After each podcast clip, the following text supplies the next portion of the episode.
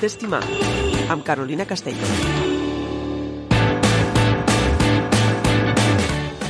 I acabarem el dijous amb una sessió psicoexpress, com la sèrie que feien a TV3 de la secció L'Art d'Estimar, amb la psicòloga d'Àurea Espai de Psicologia, Carolina Castells, a qui ja donem la benvinguda. Carolina, bon dia. Hola, bon dia. Bon dia, benvinguda. Avui reprenem la sessió que vam deixar la setmana passada i farem una sessió psicoexpress, eh? Express total. Express total. Vinga, va. A veure si podem dir que el que, lo que vull dir, al final, el que tinc pensat per a dir. Avui parlarem a l'art d'estimar dels cinc pilars bàsics en una relació.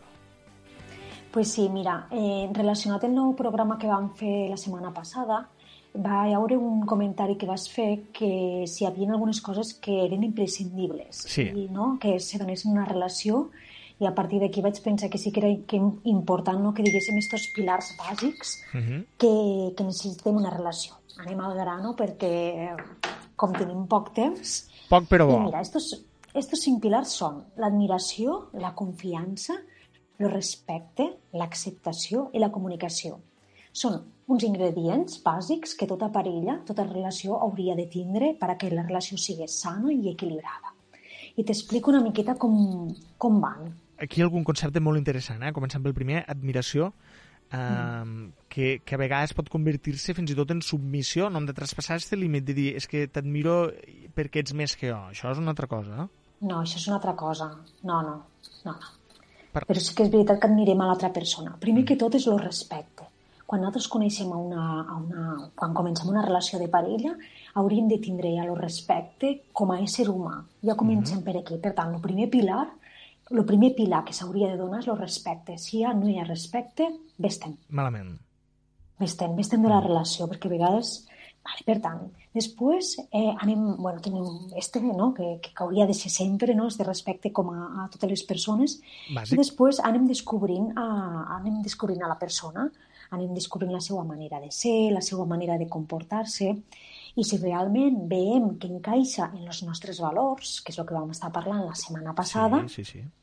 Passarem a, una, a un segon pilar, que seria l'admiració. En aquest cas, nosaltres veiem que l'altra persona ens agrada i admirem a la persona tal com és. Per tant, sí que hi ha aquesta admiració. Això vol dir que nosaltres ens quedem per baix que l'altra persona? No, ni molt menys. Això seria que tindríem una falta d'autoestima i, i, i no tenim per què sentir-nos per baix de l'altra persona. Admirar no vol dir que tu siguis inferior a l'altra persona, ni molt menys. Ah, Ni molt menys. Admiració és una part molt saludable. Pots admirar I- moltes coses d'aquesta persona, com ara, jo que sé, com se n'ha sortit d'algunes situacions, com ha pogut, eh, no sé, a, a on ha arribat professionalment, per exemple, o a on ha arribat personalment a nivell de coneixement, o el pots admirar perquè, jo que sé, per, per, per mil coses, Per com és ell. per com és, exacte. Ell o ella, per com és ell o ella. Al final admirem com a tot. El seu caràcter, la seva simpatia, Com la viu la seva vida. Eh, honestitat, la seva... Bueno, podem l'hauríem d'admirar en tot. Mhm. I, I en esta relació que comencem a conèixer, que els valors eh, ja con, coincideixen i el comencem a admirar, comença a vindre un altre pilar, que és la confiança. Comencem a tindre confiança en l'altra persona. Perquè abans, imp- abans hi ha una sensació de confiança, però no és una confiança plena. O sigui, pot haver-hi una sensació de confiança, però fins que no aprofundixes no, no pots saber que és real, aquesta confiança.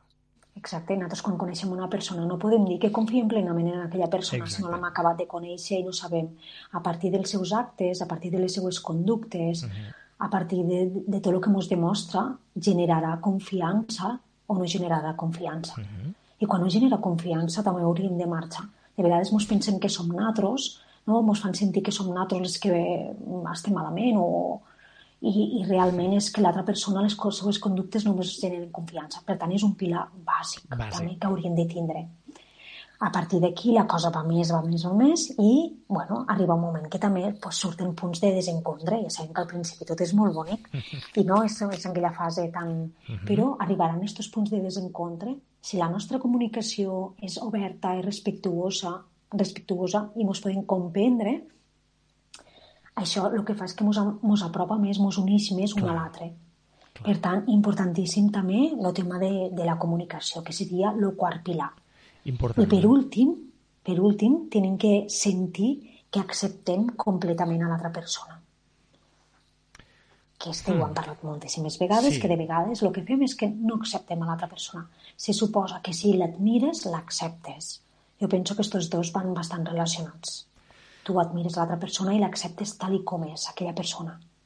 Admiració, confiança, respecte, acceptació, comunicació són mm, pilars bàsics en una relació que a vegades se donen de manera espontània, però m'imagino que també es poden treballar. Se pot forçar, se poden forçar aquests pilars a, a que, a que es desenvolupen? Podem aprendre. Podem aprendre, sí. De vegades hi ha persones que, sobretot a l'hora de la comunicació, els costa molt comunicar-se amb l'altra persona uh -huh. I sí que podríem fer un treball de, de, no, de sobretot de comunicació. El respecte, a veure, són valors que, que se tenen molt dins ja, però però, clar, tot se pot treballar en aquesta vida i en aquests pilars se podrien treballar, i tant uh -huh. que sí. Hi ha persones que de vegades ens donen més confiança perquè sí que ens han passat coses i estem com a... tenim molta temor, estem, uh -huh. eh, no sé, com a ferits, no? I, i no sé, fem coses que potser no confiem tant en les altres persones. Per tant, quan l'altra persona anirem veient que en els seus actes ens dona confiança, la nostra confiança també augmentarà. Per tant, si se dona i se rep aquests cinc pilars, apareix l'amor. Ah, ostres, és com una recepta, això, no? apareix, sí, l'amor apareix si estos pilars se donen. Si estos pilars no apareixen, no es pot donar amor. No t'enganyes. L'amor no apareix. És veritat, perquè imagina't tu que tu et penses ostres, mira, és que jo sí que l'estimo molt però no confio en ell. Perquè això a vegades passa, no? O jo sí que l'estimo molt però mm, no l'admiro. O, o l'accepto, l'accepto... No l'accepto. Accepto com és, però, però no li tinc confiança, no? Accepto com? com és, però no li tinc confiança. No pot hi haure relació, no pot hi haure amor si tu no confies en l'altra mm, persona. Clar. Per tant, és superimportant no, que entenguessin que, que estos cinc pilars haurien de donar una relació de parella. Quan no estan, el que hi ha és un altre tipus de, de relació i moltes vegades hi ha lluita. Quan falta un d'estos pilars, adona-te. Bueno, la gent m'agradaria que fessin l'exercici no de reflexionar. Quan falta un d'estos pilars, quan no t'accepten, quan no t'admiren, com pots créixer si no t'admiren com a persona, no? I com, no? La teua parella t'ha d'admirar per tot allò que fas, uh -huh. no? Li has d'agradar, no sé. Uh -huh. Quan tot això no es dona, hi ha una relació de lluita. I això no és amor, ja és dependència ostres, ostres, sempre prenem coses a, a l'art d'estimar estos cinc pilars bàsics en una relació que a vegades també es poden confondre en valors i, i no són valors. O sí, la confiança sí, valor, són... sí. La comunicació també sí, sí. parlar-ho. Sí. sí, sí, són valors, però que són els pilars bàsics, no? perquè és el que parlàvem l'altra vegada, no? pues, valors que podíem tindre, no? per exemple, la família, vale, coses que podíem ser, que una... El que parlàvem en l'anterior programa sí. era que perquè una relació de parella funcionés, los valors havien de ser semblants, no? ¿Para qué? Pues para que siguis molt més fàcil, no? Mm -hmm, para saber de, estos, de què parlem, valors, no? Estos valors importants per a tu, aquelles coses importants per a tu, si són molt semblants en l'altra persona, la relació serà molt fàcil. Mm -hmm. Però llavors va haver un comentari que van dir, ostres, hi ha algun valor que hauria de ser imprescindible? I vaig dir, mm. bueno, sí, lo respecte, però vaig pensar, ostres, n'hi ha més de coses, no? I són aquests cinc pilars, que també són valors, que sí o sí s'haurien de donar a una relació de parella per a que aquesta funcione. Per tant, les persones que ens escolten, apunteu admiració, confiança, respecte, acceptació i comunicació. En estos cinc pilars a, a la mà apuntats podem fer una revisió de la nostra relació. Se donen estos cinc pilars mm, si es donen, perfecte. Si no es donen, els podem treballar, els podem fer aparèixer, els podem reforçar. Eh, algun pilar que s'ha vist desgastat, podem fer algun acte per reconstruir-lo. Si no eh, tenim ganes, és sempre esta lupa no, damunt nostre per, per autoconèixer-nos. Mos ho veiem que realment és així? Soc jo és a dir, jo intento comunicar-me, però resulta que l'altra persona no fa res per a comunicar-se. Què faig en aquest cas? Uh mhm. -huh. Deixo que la relació, perquè serà una lluita constant, perquè és, va, és bàsic, o, bueno, si l'altra persona um, sí que se vol treballar, perfecte, perquè es pot arribar a treballar. Però si tenen que estar... Per tant, l'exercici jo sí que, que ara m'agradaria que la gent honestament no, que et pogués tancar els ulls per un moment i que es fes aquestes preguntes i que se respongués honestament estos cinc pilars se donen en la meva relació actual Ui, si és que no, que vinguin a la consulta si volen ajuda a treballar-se, no.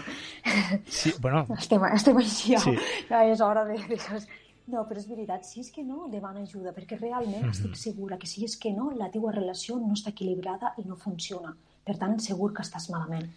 Si és que no, eh, en un proper programa donarem, donarem alguna pauta també sobre com reforçar aquests pilars, la- sobre on, com trobar l'admiració cap a l'altra persona, eh, com establir la confiança, si és que encara no la tenim o si s'ha vist debilitada per alguna cosa, com fomentar el respecte, que és molt important. El respecte és una d'aquelles coses que si està, se nota, i si no està, eh, oblida't de tindre una relació sana. Eh, L'acceptació també és important. Has d'acceptar l'altra persona perquè l'has triat tu i no, no pots pretendre canviar-la. I, i l'altra persona... És que em sembla, semblen coses molt senzilles, però a vegades no, no, no molt les plantegem, eh? I finalment, la comunicació.